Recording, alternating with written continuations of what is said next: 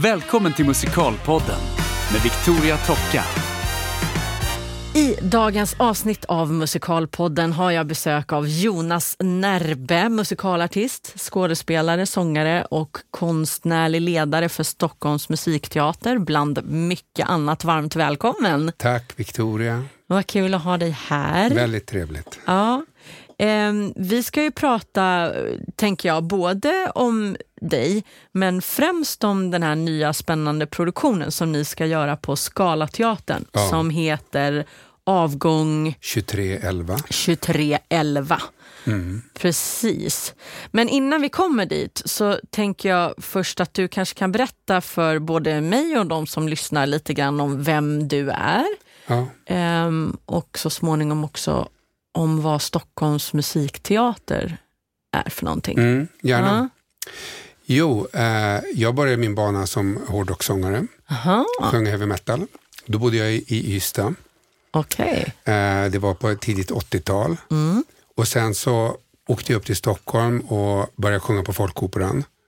Så jag gjorde från 85... Okej, men hur, vä- okej, vänta. Nu måste jag liksom ställa en fråga. Hur kommer det sig att man kommer som heavy metal-sångare från Ystad och hamnar på Folkoperan i Stockholm? ja. Känns som att Ja, Det är ett rätt långt blev... steg, men, Ja. men min mamma var Sveriges, på den tiden, enda kvinnliga operadirigent Jaha, på Folkoperan. Så jag har liksom på något sätt eh, haft opera i blodet okej. i, min, i min uppväxt. Ja, Så eh, hon är ju en av grundarna, Kerstin Närbe, ah, till Folkoperan. okej. Ja. Och, eh, så det, det har funnits i, i hemmet, den typen av musik.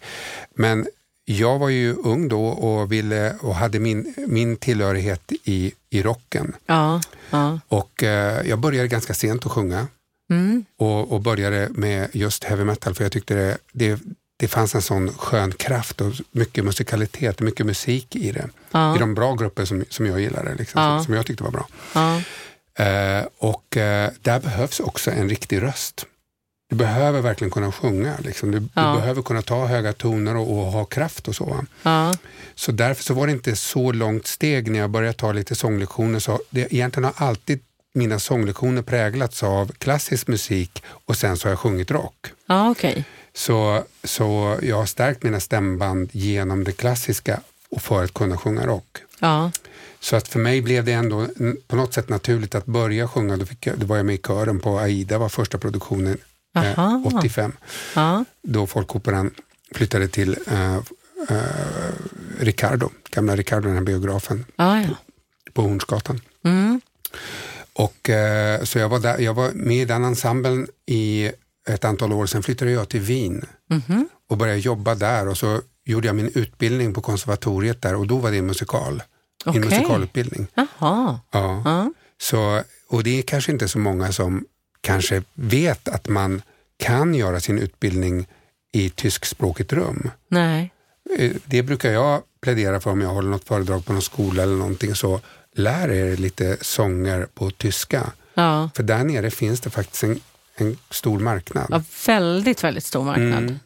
Så jag gjorde min utbildning där på fyra år Ja. eh, på konservatoriet, vilket var en fantastisk tid. Ja. Jag, blev, jag lärde mig språket, tyska då. Mm. Och eh, jag eh, fick uppleva, man är mitt i Europa Mm. och det är en smältdegel, folk kommer från hela världen. Så jag har ju jobbat med alla nationaliteter nästan känns det som. Ja. Eh, kineser, polacker, rumäner, amerikanare. Ja. Och det är ju väldigt häftigt alltså. Ja. Och alla är där för att de älskar musik och vill göra musik i Wien. Och, eh, så jag fick vara med på några stora produktioner där jag gjorde Les Misérables, Skönheten och odjuret. Ja. Och eh, lite, lite La Cage aux Folles på Folksoper. Ja. Och sen så eh, flyttade vi sedermera hem eh, till Sverige. Ja. Och då startade jag Stockholms musikteater. Okej. Mm.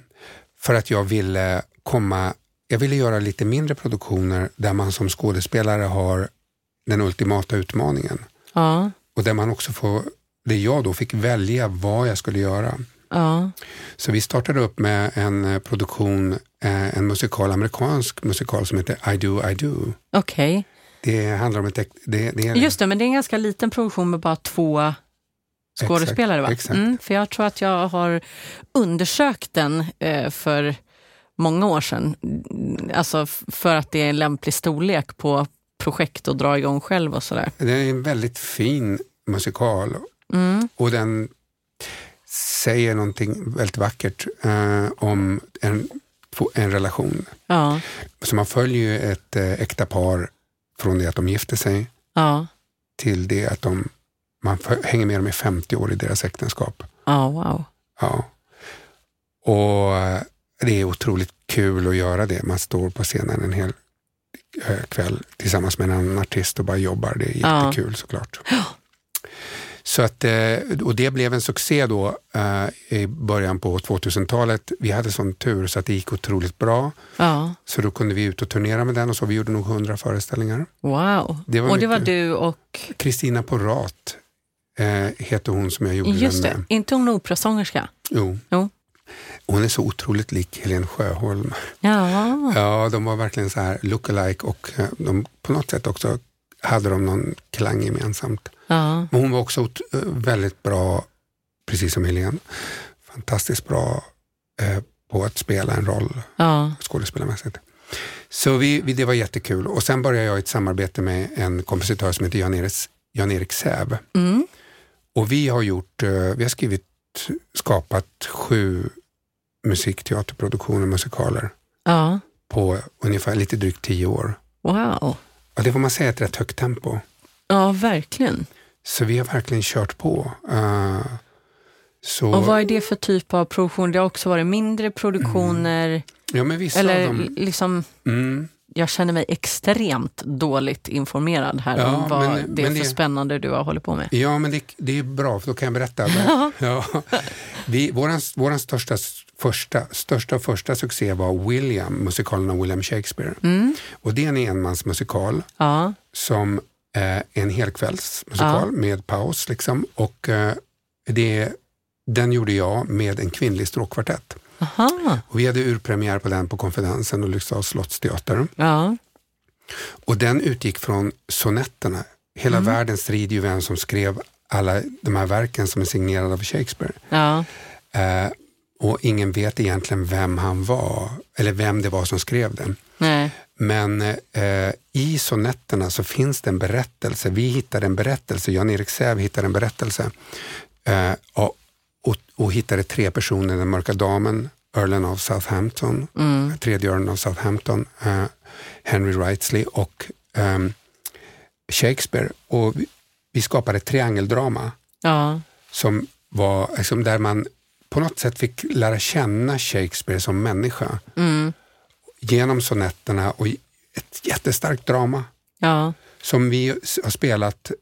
Eh, det hade, ja, vi spelade på Konfidensen som sagt var, sen har vi varit ute, vi spelat den på olika teatrar i Stockholm och vi har spelat den utomlands, bland annat i New York. Mm. Eh, och då har vi översatt den så att den här två timmars monologen har jag även spelat på engelska. Aha. Så det, var, det är ju häftigt alltså. Ja, verkligen. Så vi åkte, vi var där 2013 och spelade, jag och eh, Jan-Erik var med då. Så Ja. vi, hade, vi hade en stråkkvartett från New York som vi, som vi eh, eh, studerade in Ja. på ett par dagar. Och eh, eh, det var så, vi var, ett lite, vi var inte så kaxiga. Nej. För vi kommer liksom till musikalens mecka, Ja. New York. Och eh, vi har ett påstående om att vi vet vem William Shakespeare är. Ja. Eh, så att eh, vi, vi, vi kände oss lite sådär, lite darriga i knäna. Ja. Och eh, vi var med då på Fringe Festival, New York Fringe Festival och den det är ju Amerikas största teaterfestival. Ja, precis. Och eh, det, Om jag inte har helt fel så är ju det också en plats där man förevisar mycket nya eh, verk, alltså nya musikaler som öppnar där och liksom testar Mm. där innan de kanske då så småningom kommer till Broadway till exempel. Mm. och eh, vi kom dit och vi, eh, de här tjejerna vi skulle jobba med, eh, de, de var inte riktigt vana vid, för vi inkluderar musikerna Ja. i berättelsen. De kommenterar och de eh, liksom står på scenen med mig. Ja. Så, här, så de, de, det tog ett par dagar för dem att förstå att vi inte var halvgalna. Liksom. Nej. Och, och, sen så, och sen så bara steg de på tåget och så körde vi. Mm.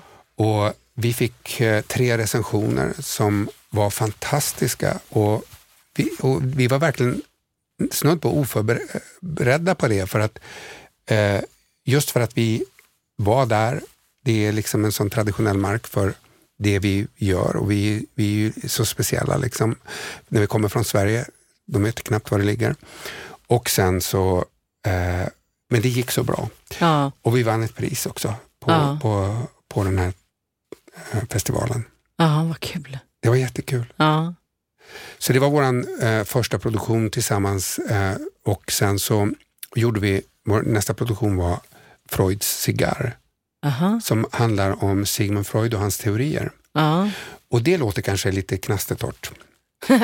Men faktum är att det är en sån otrolig kul berättelse och folk skrattade, folk grät och det var, det var, det var också en enmansmusikal men med en eh, pianotrio. Aha. Så att det intressanta är när man jobbar med Freud är att när man berättar om hans liv Ja. och hans teorier och allt det här så pratar man om publiken. Ja. För vi går ju alla med de här tankarna. Liksom. ja, det är klart. Vad är vår drivkraft? Vad är det som gör att jag känner mig arg, ledsen och förbannad ibland och känner mig otillräcklig och jag känner att jag är inte något bra. Liksom. Mm. Här, allt det här går han igenom liksom, på olika sätt och, han var ju en person som var otroligt självutlämnande.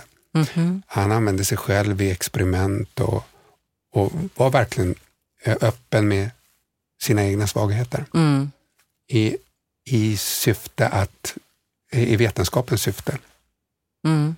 Så han var väldigt modig och eh, jag blev en, ett, jag visste inte jättemycket om Sigmund Freud innan vi gjorde den, men jag blev väl ett fan liksom, av honom Ja. och förstått liksom, att han har präglat hela vår syn på, på vårt intellekt, på vårt medvetande. Ja.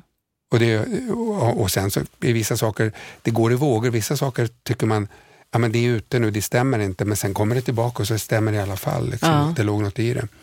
Men det är klart att han var, ju, han var pionjär, så det är klart att inte allt blir rätt på en gång. Nej, det är klart. Mm, men han var modig. Ja.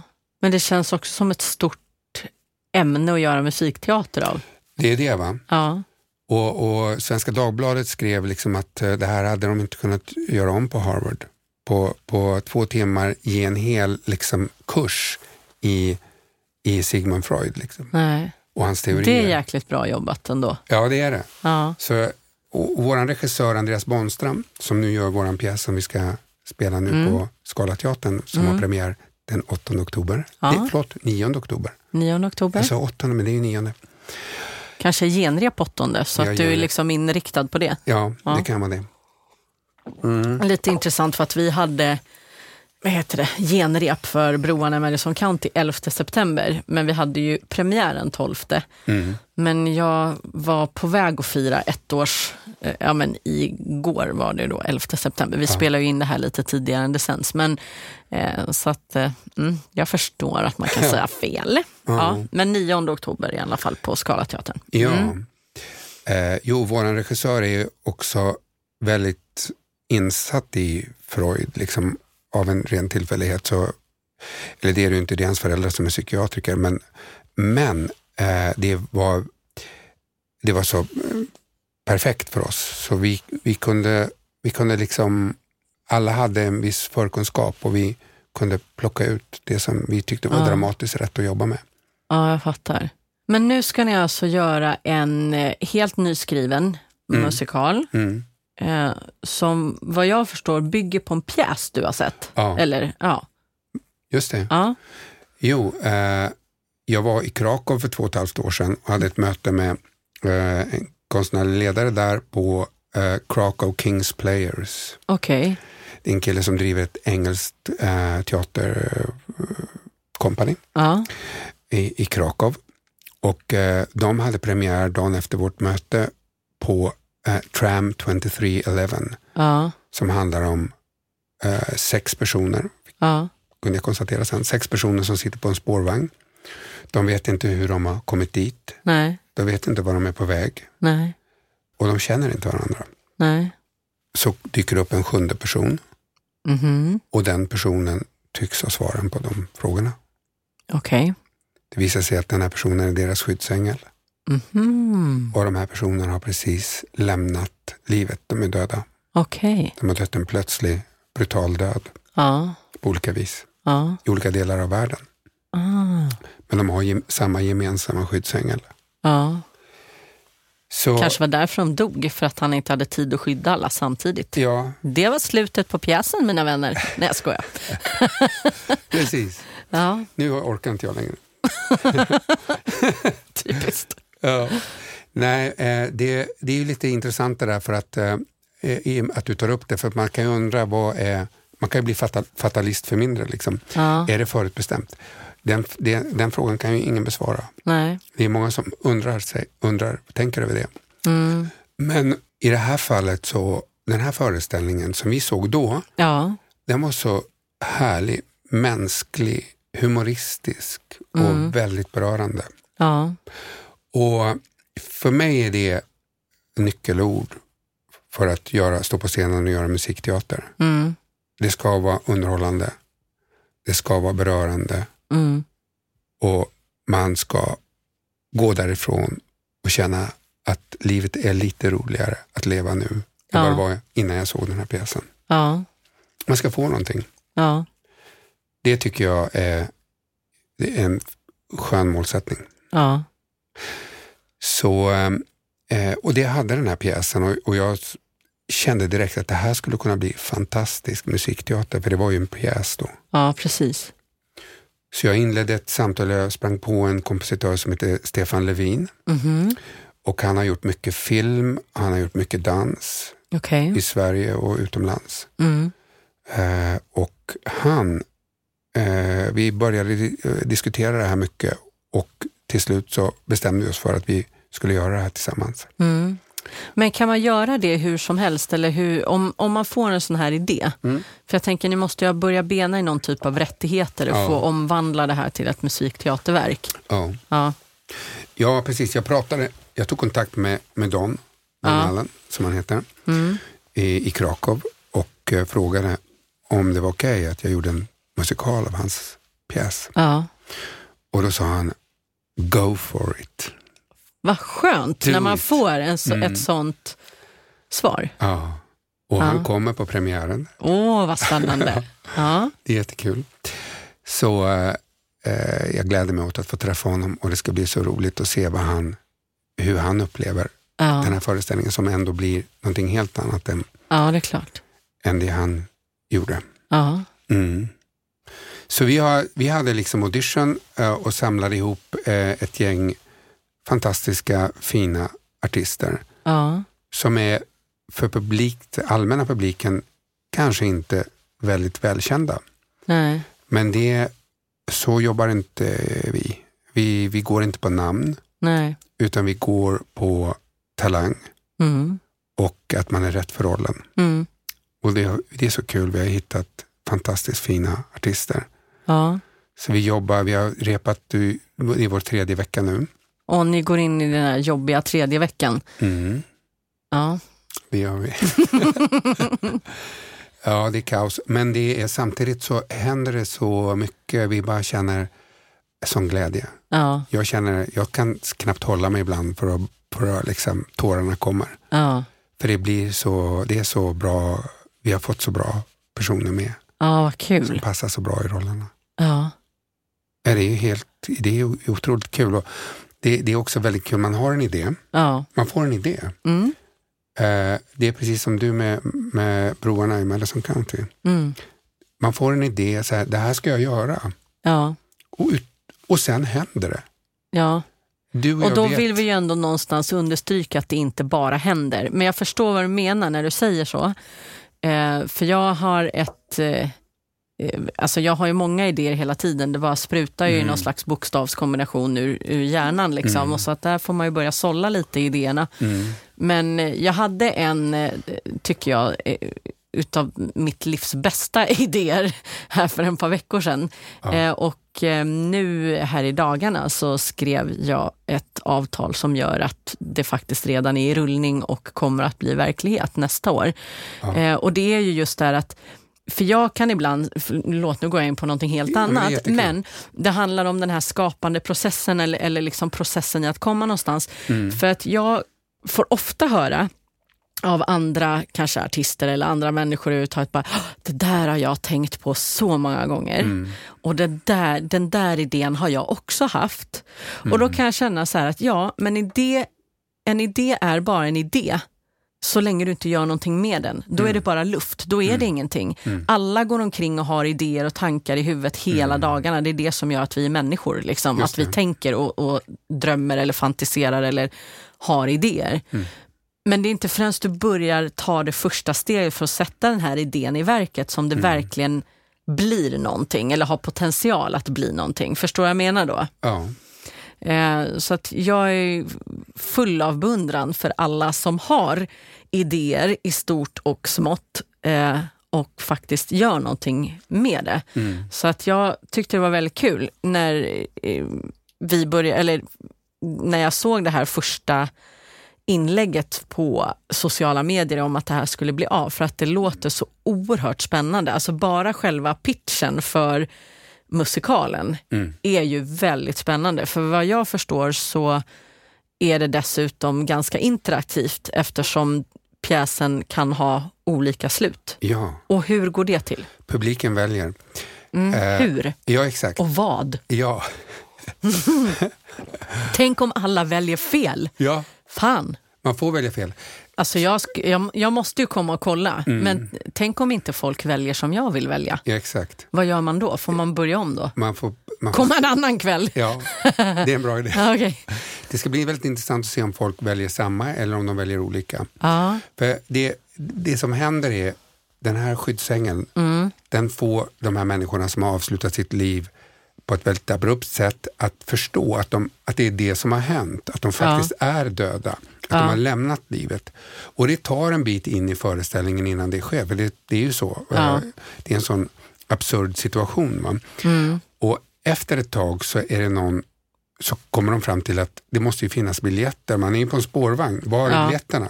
Ja. Eh, och då eh, så säger skyddsängeln, ja naturligtvis, det finns biljetter. Och så plockar han fram biljetterna och då fattas det en. Så det visar sig att en är inte död utan en ska tillbaka. Ah. Och eh, efter, innan paus Mm. så kommer våran skyddsängel att vända sig ut i publiken och be om hjälp. Okej. Då kan publiken, de olika karaktärerna, de har förstått vilka Mm. var och en är. Mm. Och då kommer de via en liten eh, gyllene biljett till livet som de har fått, Ja. få lägga det i en låda, sin röst i en låda Oh. på den personen, alltså när pausen väl börjar, får de Ja. lägga den på, den på den personen som de tycker Det är ska typ få. som Robinson, liksom. Vem liksom- får leva? Just det, Ja. Vi röstar inte ut någon, vi röstar hem någon i livet. vi röstar liksom. hem dem. Så det är lite tvärtom fast ändå är det samma förfarande. Ja, jag liksom. fattar. Mm. Och eh, vad som händer där är ju väldigt intressant för att det blir ju så otroligt tydligt. När man ser en pjäs så är det ju, och när man, träffar, när man lever i vanliga livet också så träffar man ju människor, vissa gillar man Ja. och vissa gillar man inte. Mm. Och ibland kan det vara, alltså vad, vad, som, vad jag kommit fram till är att det är ju inte det är en ganska intressant grej det där. Vad är det som gör att jag gillar vissa och ogillar andra? Mm. Kan det ha med mig själv att göra Mm. till exempel? Mm. Eh, och det blir väldigt tydligt i den här föreställningen att man lägger sin sympati någonstans, man blir liksom uppmuntrad att göra det. Mhm. Och sen i andra akten så händer det, så händer det saker som gör att man säkert funderar några vänder till, men då har man redan gjort sitt val. Ah. Och eh, utifrån det val publiken har gjort Mm. så kommer också föreställningen sluta. Att den personen då får gå tillbaka och de andra åker vidare. Ja. Så den avslutar eh, föreställningen ja. Men sättet. eh, som pjäsen är skriven, Mm. eh, alltså eh, repar ni in liksom sex olika slut? Ja. Men det är inte hela andra akten som blir annorlunda, utan Nej. det är en, väldigt, eller liksom en mindre del Just helt det. enkelt. Mm. Och sen så får ni det beskedet i pausen, bara att idag kör vi slut fyra. Ja, nej, artisterna får beskedet när de står på scenen precis innan de ska gö- göra, göra sitt avslut. wow! Det här är ju superhäftigt. Ja, Alltså ni hör ju själva, vi måste ju gå och se den här Ja. musikalen. ja. Så att de, de vet inte när de går in i Nej. akt två vad som ska hända, utan Nej. de har repat in typ sex slut. Mm. Eller sju, sex slut. Sex. Ja. Och bara damn, nu blev det fyra idag, hur var det? alltså det här låter ju som världens coolaste utmaning. Mm. Varför visste inte jag om det här? Jag var inte på någon audition för den här pjäsen. Vad dumt. Dumt, men, Ja. nej, men det, det intressanta är, du var så upptagen då. Ja, jag vet. Jag är jätteupptagen hela tiden. Nej, men Men- sen jag har massa härliga eh, kollegor som jag skulle vilja ha haft med också av alla möjliga olika skäl. Men det intressanta är att för en gångs skull ja. så är det så helt naturligt att det faktiskt är med artister som har en annan bakgrund än yllesvensk. ja, det är jättekul. Ja, det är ingenting som man liksom säger, men nu ska Marie, alltså, vad ska jag säga, kabaré eller vad det nu är, de här rollerna, de, de, ska, de ska spelas av folk som kommer från andra sidan jordklotet. I Sverige, nej det är inte så, alltså att man måste trycka in någonting, utan här är det helt naturligt. Ja. Och det är ju viktigt att vi speglar hur samhället ser ut där ute. Mm. Och det gör vi på ett helt naturligt sätt. i Ja, den vad här kul. pjäsen. Det är jättekul. Ja. Och, eh, att Är har- alla utbildade musikalartister eller är det liksom blandat? Hur? Det är blandat. Ja, Eh, Antonio, ska jag dra dem? ja gärna. Mm. Absolut. Antonio Tengroth eh, är ju skådis Ja, och har gjort mycket musikal också, så han är dansare, okej. jättebra dansare, bra skådis och kan sjunga. Han är med i eh, Vår tid är nu i nästa säsong Mhm. som en av de eh, större rollerna. Eh, sen har vi eh, Aida Jabari Mhm. som sjunger, eh, alltså hon är från Persien Mm. och hon, har, hon blandar sin musik med eh, våra lyriker.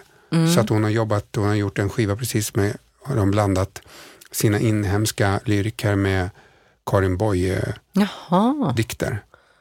Hon är sångerska Hon främst? är sångerska eller? främst. Ja.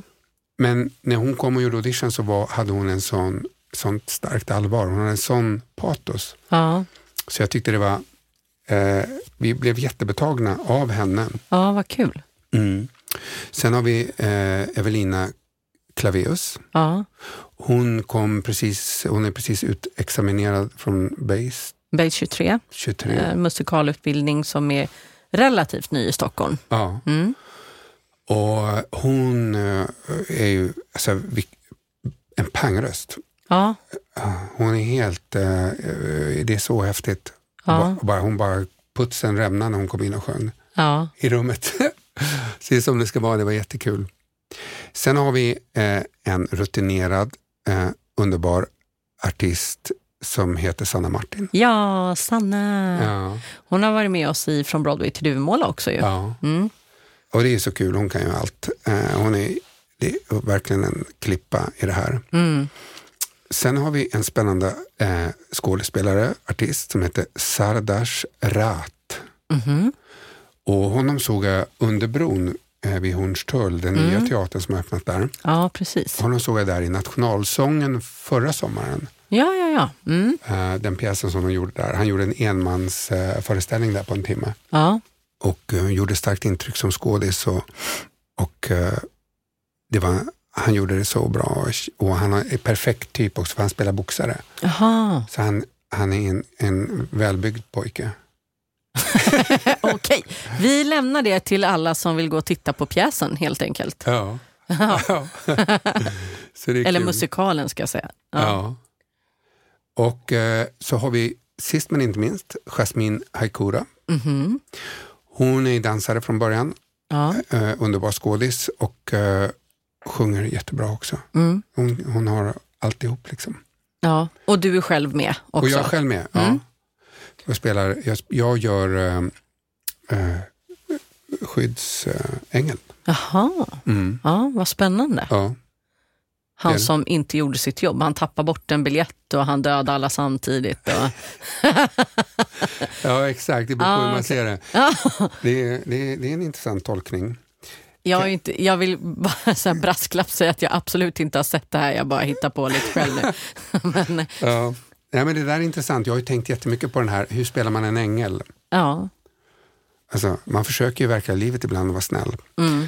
Eh, men, eh, Men han kanske inte är bara snäll. nej. Nej. Det, och, och framförallt, vad är att vara snäll? Exakt. Det, det är väldigt intressant. Eh, så det är ju så att alla lever vi i våran, eh, i, i våran bild av hur vi tror att det är. Mm. I den här pjäsen så fortsätter folk leva i sin illusion Mm. ända till de får reda på att den illusionen inte riktigt har med sanningen att göra. Att de lurar sig själva. Mm. Mm. Och det är ju precis det vi har i vårt liv också. Ja. Alltså det där med att arbeta med sig själv och förstå saker och så handlar ju om lite grann att ifrågasätta illusionen om sig själv. Och ja, det borde kanske fler göra, ja, tänker jag också. Ja, Men det är ju någonting som vi ställs inför ganska mycket i vårt yrke om man ska förkovra sig som skådespelare eller Mm. i, i musik, allt som har med att utvecklas eller jobba med någonting som är känslomässigt, tänker Mm. jag. Så är du ju tvungen att göra det. mm, Sen så väljer ju alla kanske mm, olika nivåer på hur långt ner i det där man vill gå. Ju. Ja. Men en väldigt intressant del av att... Jag kan ofta tänka på det när man, man eh, alltså på det sättet som vi jobbar och sådär. Eh, Jag kan tänka att det, det hade varit nyttigt och bra och spännande för många fler, även om man inte ska jobba i det här yrket, att kanske få gå igenom många utav de kurser eller eh, alltså en repetitionsperiod eller du vet, så här, alltså på det sättet som vi arbetar många gånger. Mm. För att jag tror att eh, mång, de allra flesta kanske gömmer sig bakom någon slags trygghet och bara så här är det, så här är jag och så finns det inget annat. Liksom. Man är inte Mm. intresserad av att gå in och gräva i det där eller ta Mm. av sig masken eller ens liksom för sin egen skull se vad som är där. just det. Ja, när man studerar andra roller så studerar man ju samtidigt sig själv. Mm, verkligen. Det är ju, man lever i sin egen verklighet och allt man föreställer sig är ju det som är ens verklighet. Mm, Även det man hittar på. mm. Men det finns ju olika sätt man kan göra det på och ett sätt är att gå och se teater. Ja, verkligen. Ett annat sätt är att spela teater. Mm. Så eh, det är tur att det finns teater. Ja, eller kultur överlag. Kultur, Liksom. mm. För det kan ju hända i, i musik eller alltså, Mm. I konst. i konst. Precis. Det finns många sätt. Inte minst när man hör tacktalen på Nobelmiddagen, tycker jag, att de ofta refererar till kulturella upplevelser. När de kom på det, liksom, då, le, då satt de och lyssnade på Beethovens sjua eller de var, såg någon fantastisk föreställning och, och det inspirerade dem till att göra någonting. Eller de såg en, en väldigt inspirerande tavla. Så, många pratar om Mm. upplevelser av teater, konst, Ja. musik. Men där hade, hade väl, nu kan inte jag det utan till så att det är ju väldigt dumt av mig kanske att dra upp det, men Winston Churchill har ju ett väldigt berömt Mm. eh, citat som handlar just om eh, det här med kultur och varför, eh, vad är det han säger? Exakt. Du vet vilken jag menar, jag vet eller hur? de frågar om så här, vi behöver dra ner på kulturbudgeten för vi, för vi behöver För kriget, pengar, för pengar ja. till vapen. Och säger men vad ska vi då kämpa för? Precis, och det är väl lite det det handlar om Ja. också, för att väldigt många utav människans bästa idéer och så kommer någonstans, alltså det är ju en kreativ, eh, kreativ process som Mm. Ja. leder fram till någonting oavsett om det är ett eh, vetenskapligt eh, eh, genombrott eller ja, Ett konstnärligt. ja verkligen. Mm. Nej men alltså, precis vad är det vi ska kämpa för? Mm, Det är en bra fråga. mm, Jag tycker den, den kan man fundera lite på. Jag kämpar i alla fall för att eh, jobba med att göra nyskriven musikteater. ja, För, för jag tror så här att alltså det finns ju genialiska, fantastiska verk. Eh, My Fair Lady, mhm, eh, Bernard Shaw, liksom, han var ett geni, han var före sin tid. Mm, På alla sätt, jag tycker det, var, det är otroligt bra gjort. Cabaret, eh, West Side Story, det är mästerverk. mm, De har sållats ur tusentals, hundratusentals andra verk och de flyter ovanpå, alla spelar dem hela tiden. mm, Det är underbart. Eh, de ska spelas, men vi måste också förstå att om våran genre Mm. ska leva, om den ska vara vital, Ja. om den ska fortsätta utvecklas, så måste vi göra nytt. Mm. Vi måste skapa nya evergreens. Ja. Och det är liksom, det och det är, så, det är lite svårt skulle man kunna säga att jobba med det för att publiken är, eh, den älskar det den älskar, liksom. den, det, de, det de känner igen. ja, precis. Och det är inget fel i det, men det skulle vara kul. Eh, alltså, folk kommer till våra föreställningar så att jag kan säga att det finns många som är nyfikna, men jag skulle s- vilja bara uppmana till att vara ännu mer nyfiken. Ja. För det är det som gör att man får nya referenser och, och man eh, hittar eh, så mycket glädje i det. I. Mm. För det vi har är bra, men det är de som jobbar med att göra nytt, eh, de, det, det är Ja, spännande. men det är, ja, och det är svårt också.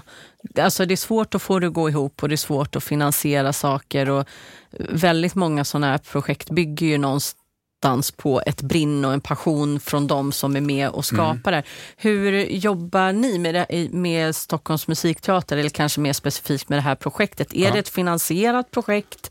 Får skådespelarna betalt eller Ja. är det liksom ni gör det för att alla brinner och vill? Eller, alltså hur Ja. har du jobbat med det här? Ja, men det är till dels finansierat. Vi har Ja. fått stöd från eh, Stockholms kulturförvaltning, Kulturrådet och landstinget. Ja, Eh, men man får ju inte så mycket att man är hemma. nej, Utan för oss är det jätteviktigt att, eh, eh, att folk kommer. ja såklart. Mm. Men eh, skådespelarna får betalt. Ja, Mm.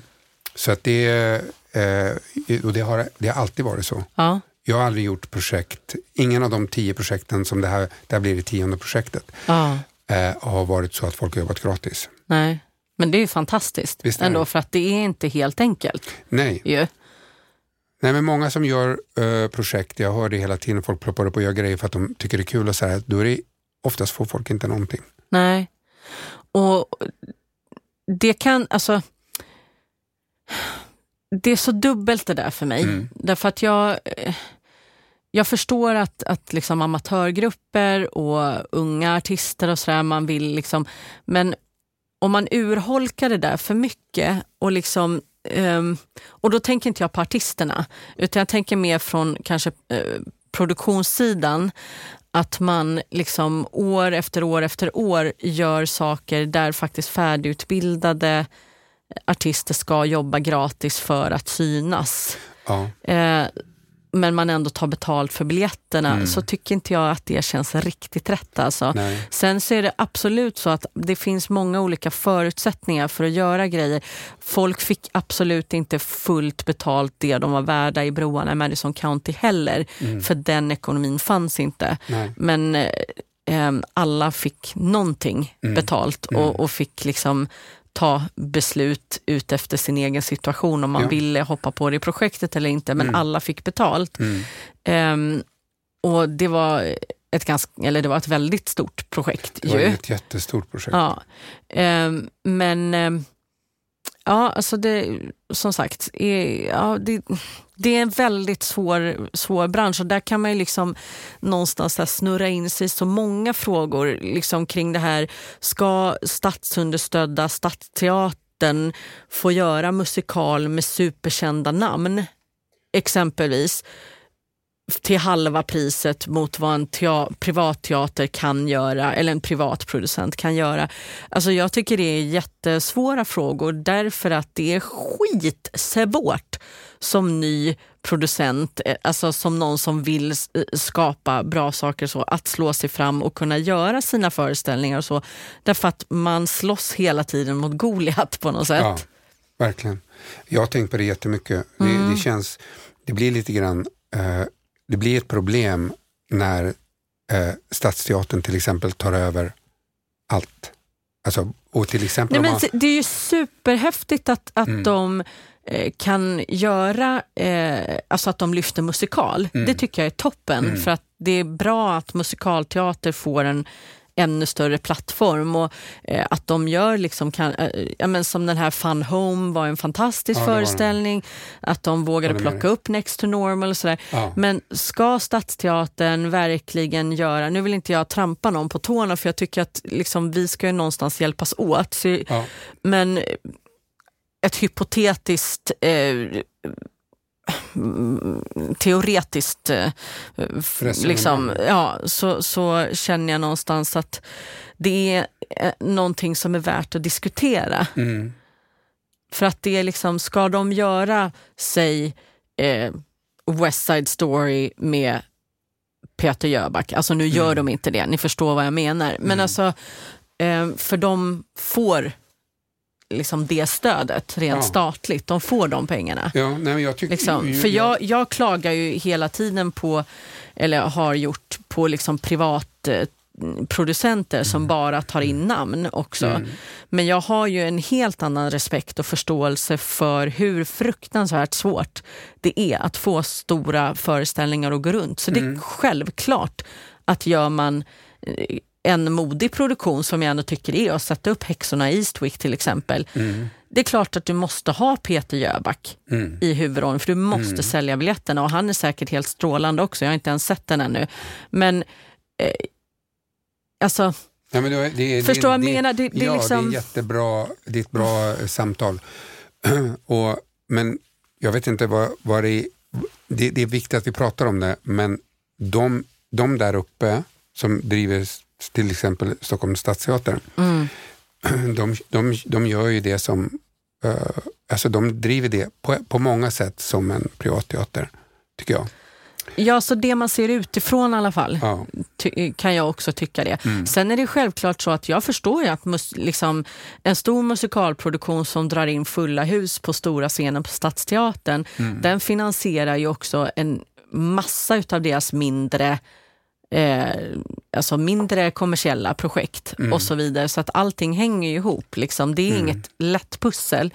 nej. Men, men det är en viktig fråga som jag tror att eh, ja, den vore bra att diskutera, liksom, även på kanske en högre politisk nivå. Liksom.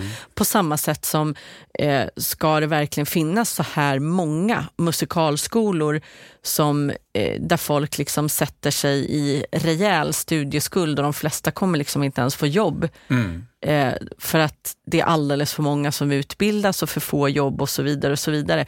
Samtidigt så hade jag precis ett jättespännande samtal med Sarah Dawn Finer när vi pratar om att eh, för att få fram en riktigt, riktigt hög och bra kvalitet på musikalartister i Sverige så måste bredden bli mycket större. Mm. Så att Alltså det är komplexa, komplexa frågor, men eh, jag vet inte ens varför jag kom in på den här ranten nu. Nej, men det är, det är, jag tycker att det är kul och det är intressant. Och, jag menar, om, man, om man gör auditions så, som, så om, man, om man måste göra en smal audition, som till exempel att man vill ha artister som har en annan bakgrund, då, är det inte, då är det svårt i ett land som Sverige. För vi, vi bor ju på Nordpolen Ja, i princip. Det är inte så många som vågar sig upp hit. nej. Men i, är du i Berlin Mm. eller i Wien eller London, då, är det ju, då har du fantastiskt mycket att ösa ur. Ja, Och sen, men jag tänker också att, att de här artisterna som utbildar sig, vissa av dem kommer jobba vidare. ja, Men det, det är så i, när man är musiker också, man kämpar, man jobbar, man övar, man tar utbildningar, man håller på. Och sen så kanske det blir så att nej, men jag orkar inte längre. Det, det är ju en läggningsgrej det där också, hur mycket drive man har och så. mm, Vi, vi, alltså, att lyckas inom vårt gebit ha- handlar ju väldigt mycket om uthållighet. ja, jag skulle precis säga det. Det är ju det, att man är snäll mot sig själv, att man har uthållighet. Man måste såklart vara talangfull, men många är ju det och man kan jobba sig till talang också på något sätt. Ja, man kan i alla fall, eh, vad ska man säga, eh, vidareutveckla den lilla talang man har, om man säger så. Om man är jäkligt envis och, och Ja. jobbar på ju. ja, Eh, Så att där finns det ju många vägar att gå. Men uthållighet är ett väldigt bra ord. Ja. Det tror jag att vi båda kan skriva under på. ja. Men sen att man kanske tar ett beslut någon gång när man märker om man mår för dåligt av att ha, Mm. bara ha jobb ibland och, och för mycket osäkerhet och så, så är det ju många som faktiskt tar går en annan väg. Mm. Men sen ska man väl också säga att jag tycker att även om man väljer en annan väg, Mm. så A, inte se det som ett misslyckande. Nej, Eh, B, det, alltså du kommer ju alltid ha nytta av det arbete du har lagt ner på, eftersom det är sånt personligt arbete, Ja. som vi var inne på tidigare, ja. så kommer du alltid ha nytta av att du har gjort alla de här delarna. Så jag säger inte att det är bortkastat om du inte fortsätter jobba inom yrket för att du har gått en konstnärlig utbildning. Men jag bara menar på att där är det också en lit, alltså, fin balans mellan vad man så att säga lovar eh, och lockar elever med till utbildningar kontra Mm. vad, alltså, vad är verkligheten när man väl kommer ut. Ja, liksom. Jag tänkte precis säga det eh, och du sa det, det var så bra för att jag, jag tror att vi behöver ett samhälle med många människor som, är, som, som vet vad det är att stå på en scen. Mm. Som kan sjunga, som kan tala inför människor. Det finns hur många yrken som helst där man har jättestor nytta av att kunna behandla en text. Mm. Att kunna förhålla sig till andra, att, eh, att kunna se hur andra agerar och utifrån det förstå. Man får massa förståelse när man jobbar med skådespeleri och sång och allt det här. Mm. Du jobbar med din kropp på ett helt annat sätt Mm. när du sjunger. Ja, men det finns ju till och med forskning som säger att eh, elever i skolan eh, blir bättre på teoretiska ämnen Ja. om de har musik i Ja. skolan till exempel. Ja. Så ett, ett samhälle behöver människor som har, som vi alla ska vara artister på något sätt. Ja, eller åtminstone få ett utlopp för den sidan hos sig själv på ett Ja. eller annat sätt. Liksom, och Det- få utforska det. Det tror jag är jätteviktigt. Ja, ja, ja. Det är en viktig del i att vara människa. Mm. Sen kan man göra det för skojs skull. Oh ja. Men det är väl göra- därför Sverige är ett, ut, eller jag vet inte vad det har med Sverige att göra, men att vi är ju ett oerhört eh, eh, körtätt Mm. land. Det är många Mm. som sjunger i kör Mm. och så. Och bra. Ja, verkligen. Ehm, men eh, för att återgå till er föreställning här Ja. nu så eh, känns det som ett oerhört spännande koncept. Alltså, dels så är det eh, en, en spännande historia som handlar om många viktiga saker, Mm. men också nytänkande. Mm. Jag har i alla fall aldrig eh, sett, tror jag, någon eh, föreställning där publiken på det sättet är så involverad i. Känner du till andra sådana verk? Eller är det här typ första gången som du... Ja, det är första gången jag gör ett sånt verk och jag känner inte till några andra heller. Nej. Det är möjligt. Det kanske finns andra. Om det är Mm. någon som vet om något annat så får ni väl mejla in och tala om det så vi får utforska det. Men det här är i alla fall första gången jag har hört talas om det och det är en Mm.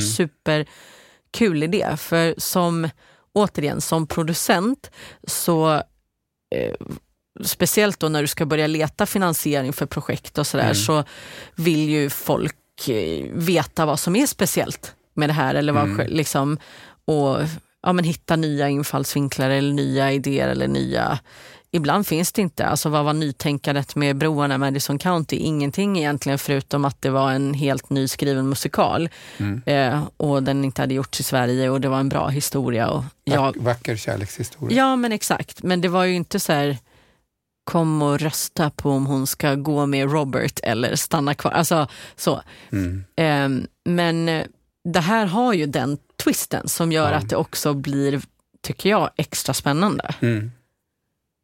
Ja, det passar bra också för i och med att ämnet är lite speciellt. Ja, Så är det, så här, det, det är bra att det finns en sån, ett sånt engagemang i det mm. från Mm. publiken. Eh, och, ja, det ska bli jätteintressant att se om eh, eh, hur, hur det mottas. ja. Det ska bli intressant att se hur folk re- reagerar överhuvudtaget. Ska, Hur många föreställningar spelar ni? Nio Nio, som är planerat hittills. ja, på Scalateatern då. Och det, det är ju en ganska stor teater. Ja, Det tar ju 550 pers. ja. Som Maxim ungefär då, Ja. där vi spelar Broarna ju. Ja. Ja. Eh, och eh, premiären är, vad kommer vi fram till, 9 oktober? 9 oktober. Ja. Och ni spelar till, 14 november. ja. Och då spelar ni främst på helger eller hur? Nej, faktiskt Nej. är att vi spelar mitt i veckan. Aha. Vi har lagt in föreställningar där. Vi eh, alternerar med Sissela Kyle. Aha, okej. Ja, Mm. Hon gör sin enmansshow där, Ja, ja, ja. när inte vi spelar. Ja, precis. Nej, men då ska jag, jag har ju alltid det här problemet, eller som många av oss som jobbar i den här branschen, att man spelar ju jämt själv tänkte jag säga. Men eh, det här låter ju som att jag absolut måste komma och, och se Mm. ju, Mm. av, av flera skäl. Ja. Men eh, eh, har du någon fortsatt plan eller tanke kring det här redan nu? En fortsättning? För jag vet ju själv hur det är när man liksom bara har planerat så få föreställningar. Mm. Att det är oftast liksom, du kommer till typ sista två föreställningar och det är då det börjar ta fart, projektet. För det är då liksom den här mun mot mun-metoden har börjat hända. Om man nu inte har liksom en miljon att lägga på marknadsföring, vilket jag gissar att ni inte har. Nej. ja, exakt. Hur gör vi då? Ja, hur Eh, gör ni då? Ja, jag är så mitt uppe i den här snurren av att producera och Ja. lära mig text och jag repetera och allt det här. Så jag, I'm with you. Ja, så jag är inte riktigt där än, men, men vi Nej. kommer ju liksom ta dit människor som eh, kan se föreställningen Mm. och påverka det här och, och vi kanske kan skapa ett intresse. På något vis så finns det väl kanske teaterchefer och sådär som är intresserade av någonting nytt. Ja, Så det hoppas jag på. Och eh, det kanske finns någon producent också som skulle vara intresserad av att lägga Ja. ut det på turné ja. till exempel. ja, det finns ju många vägar att gå Ja. ändå, Ja. eh, beroende på hur stort projektet är. Och, Mm. liksom. Men eh, det som är häftigt när man gör saker själv, om jag säger så, och Mm. producerar, det är ju också att beslutskedjan, om jag säger så, besluten kan gå mycket fortare. För det kan jag tycka alltid är, är trögt när man ska in i större sammanhang, eller vad jag ska säga, att det tar så lång tid med allting. Mm. Liksom från ett möte till ett annat eller ett beslut till nästa så kan det ta flera veckor. Jag har inte tid med sånt tänkte jag säga. Nej. Ehm, så att eh, på ett sätt så är det alltid skönt att liksom ha väldigt stor del av kontrollen själv där så att man kan liksom vara lite mer rörlig eller vad jag ska säga snabbare. Ja, ja visst. Ja. Det känns som att vi har jättemycket spännande att prata om utanför själva podden här nu. Men bara så här, ja. det bara sprutar idéer om hur ni kan komma vidare med det här projektet. Ja. Men, eh, eh, och- och det är ju någon, alltså, vad ska jag säga, jag har ett, eh, jag har två, två egenskapade ordspråk, tror jag. Eh, I alla fall inbillat med det. Men ett utav dem är är be water, alltså var vatten, för vatten hittar alltid en väg. Om det tar Mm. stopp någonstans så hittar vatten, alltså väldigt, alltså, an, eller så får du stänga in en plastburk liksom, eller du Mm. vet så här, när det verkligen inte går. Och de, de stoppen om man säger så, de är oerhört frustrerande för mig. När Mm. man liksom hamnar i en sån riktig dead end när det verkligen inte går. Mm. Men 99 gånger av 100 så finns det något jäkla hål någonstans där man kan komma igenom på något vis. ja, förr eller senare. Ja. Och jag tror att det är precis det du var inne på tidigare, det här med att ha tålamod och inte ge sig heller. Mm. För jag tänker att det kan ju vara lätt att tänka så här, ja, men eh, nu ska ni göra det här projektet, men säg att det är det här projektet nu som smäller till Mm. och det liksom verkligen händer någonting, då är det ändå tionde eh, liksom, Produktionen. produktionen som Mm. du har jobbat fram. ja. Jag säger inte att de andra inte har gått bra eller så, Nej. men du förstår vad jag är ute Ja, efter. ja, att ibland, alltså, Sarah var också inne på det, det här med att liksom, eh, ibland kan det kännas som att någon har en eh, eh, liksom så här overnight. Eh, succé med Mm. någonting, men oftast så ligger det ju liksom år, många, många, många års arbete bakom Mm. den där liksom chansen eller möjligheten som, som sen visade sig. Liksom. Ja, verkligen. Vad, vad, är liksom, vad skulle drömscenariot vara för den här produktionen? Drömscenariot skulle vara att, eh, vi, att det blir en, en eh, succé som den är värd. Jag, Mm. det, det jag känner är så att det är så väldigt berörande. Mm. Den, den här, alltså, nu när vi repar, man känner direkt det är så starkt. Eh, och man skrattar och man blir, gråter och Ja. det är väldigt eh, fascinerande kul. Mm. Eh, och jag vill att folk ska komma dit och uppleva det. Mm. Och jag önskar att Scalateatern blir full Ja, och att människor verkligen får ta del av det, det ja, här som vi gör. Och eh, att vi får förlänga. ja, För det är en stor satsning för oss att, att hyra Scalateatern och Ja. spela där. mm. Men Scalateatern är, det har varit så lyckat för att vi, det är underbart att ha med dem att göra. ja, vad kul. De är jättefina. Och, eh, men det är ändå en stor satsning och, och blir det mycket folk då kan vi förlänga. Och Mm. sen så vore det väldigt roligt om man på något vis kunde få ett gensvar från, från landet med någon, någon eh, producentorganisation som till exempel Riksteatern eller någon. Så, Ja, så skulle jag bara säga, för det är, det är en relativt hanterbar föreställning. Vi, Ja. vi är sju skådisar och, och en musiker Ja, som, spelar, som låter som en hel orkester. wow. Sibbes orkester. ja, Och, och så att det, det är relativt lätt att jobba med den på turné. Och, så att det, vore, det vore underbart att få spela den ute. För alla som är med i den här föreställningen är ja, med för att de verkligen tycker så mycket om materialet. ja, Det märker man. liksom. Så, så det finns ett skönt engagemang. ja. Och det är ju också viktigt. Mm. För alltså nu, jag har precis, eh, även om avsnitten f- eh, med en veckas mellanrum så kom ju det in precis efter att jag avslutade med Sarah. Ja. Eh, och vi pratade ju också mycket om det här att eh, Alltså vad man väljer att säga ja till och inte och, Mm. och att det märks ganska stor skillnad på när folk säger ja för att de verkligen brinner för ett projekt eller Mm. vill jobba med ett specifikt projekt och när man Mm. kanske säger ja för att man bara behöver pengarna eller bara behöver ett jobb eller vad ska jag säga. Mm. Eh, som sagt, jag, jag lägger in, egentligen ingen värdering i varför man väljer att ta ett jobb för att vi behöver alla mat på bordet men Mm. jag kan känna ibland att eh, alltså så här, har du sagt ja till någonting, Mm. då får du gå in och engagera dig. Oj, ja. Alltså, Mm. För det tror jag att eh, man har varit med om både en och två gånger. Antingen som, som kanske bara del i en ensemble själv, eh, Mm.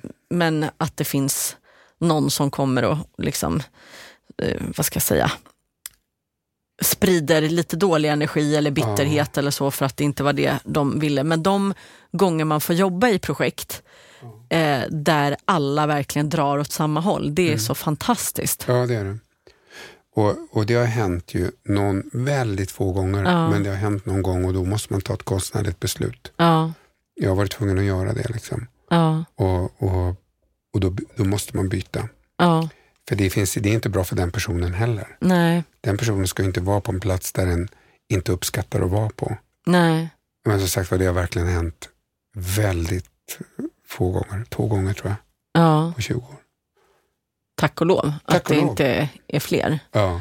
Men eh, som sagt att det är ju någonting, eh, tänker jag bara ha med sig. Framför allt vänder jag mig nu kanske till de som är, är yngre och bara ha Ja. med sig det. Liksom. Ehm, att eh, det du, det, det låter så flummigt, men det du sänder ut är också det du får tillbaks många gånger. Mm. Ehm, och det hade jag nog behövt säga till mig själv också bitvis när jag var yngre. Mm. Att liksom, jag hade väldigt mycket mindre tålamod i Ja. 20-årsåldern Ja. än vad jag har idag.